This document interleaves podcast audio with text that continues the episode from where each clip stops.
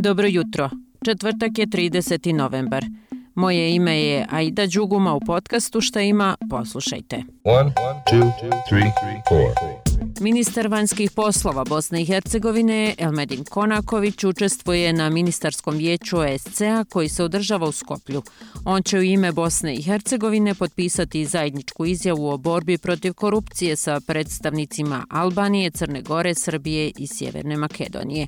Godišnji sastanak ministara vanjskih poslova 57 država članica Organizacije za evropsku sigurnost i saradnju OSCE-a održava se na poziv predsjedavajućeg OSCE-a ministra vanjskih poslova Sjeverne Makedonije Bujara Osmanija. To je najveći političko-diplomatski događaj koji se održava u Sjevernoj Makedoniji od sticanja nezavisnosti na kojem će učestvovati 76 delegacija država članica i partnerskih država OSCE-a.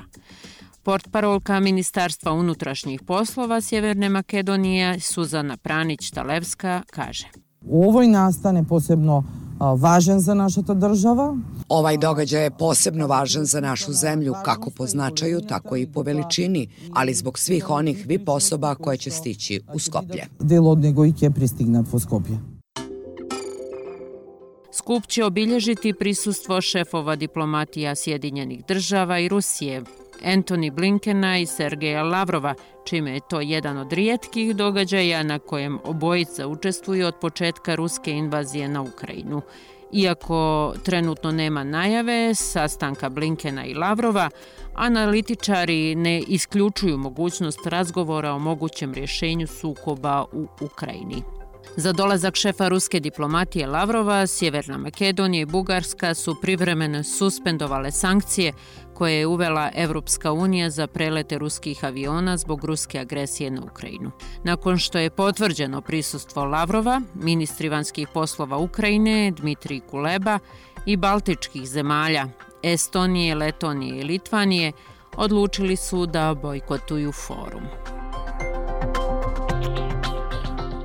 Danas će Finska zatvoriti posljednji granični prelaz sa Rusijom, najavio je premijer te zemlje Peter Jorpo. On je za finsku novinsku agenciju ILE rekao da će granični prelaz na istoku zemlje biti zatvoren tokom naredne dvije sedmice.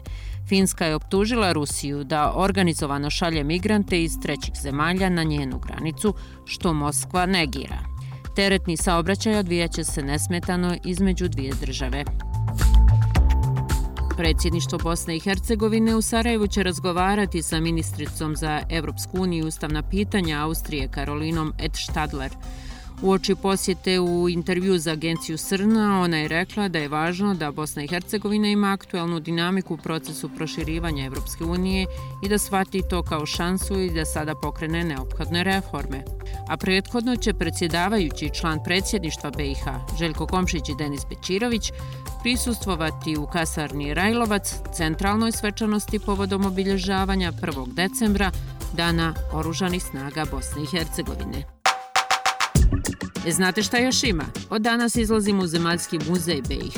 Zemaljski muzej u saradnji sa partnerima od danas pa do marta iduće godine pokreće akciju Četvrtkom izlazimo u Zemaljski muzej Bosne i Hercegovine, čiji je cilj popularizovati posjetu tom muzeju tokom trajanja festivala Svjetla Sarajevo. A šta ima na festivalu nastalom po uzoru na svjetske metropole, organizatorica Nataša Musa kaže. Svjetla je rađena, kreira, koncipira svjetlosne bašte, odnosno festivale u botaničkim baštama širom svijeta. Mislim, ono što je možda konkurentna prednost ovog festivala Svjetla u odnosu na druge, jeste da je kompletna postavka prilagođena isključivo onome e, što Zemaljski muzej baštini e, od prirodnog do ovaj, tu nekog etnografskog i areološkog nasljeđa. E, naravno, ove godine fokus je na prirodu, na one možda najsitnije elemente koje, e, prirodne elemente koje su nama uglavnom nevidljivi i koji su nama onako smetnja, bez kojih o, život na, na planeti bi bio izuzetno otežan. To su insekti. I toliko od mene. Želim vam ugodan ostatak dana. Čujemo se ponovo sutra.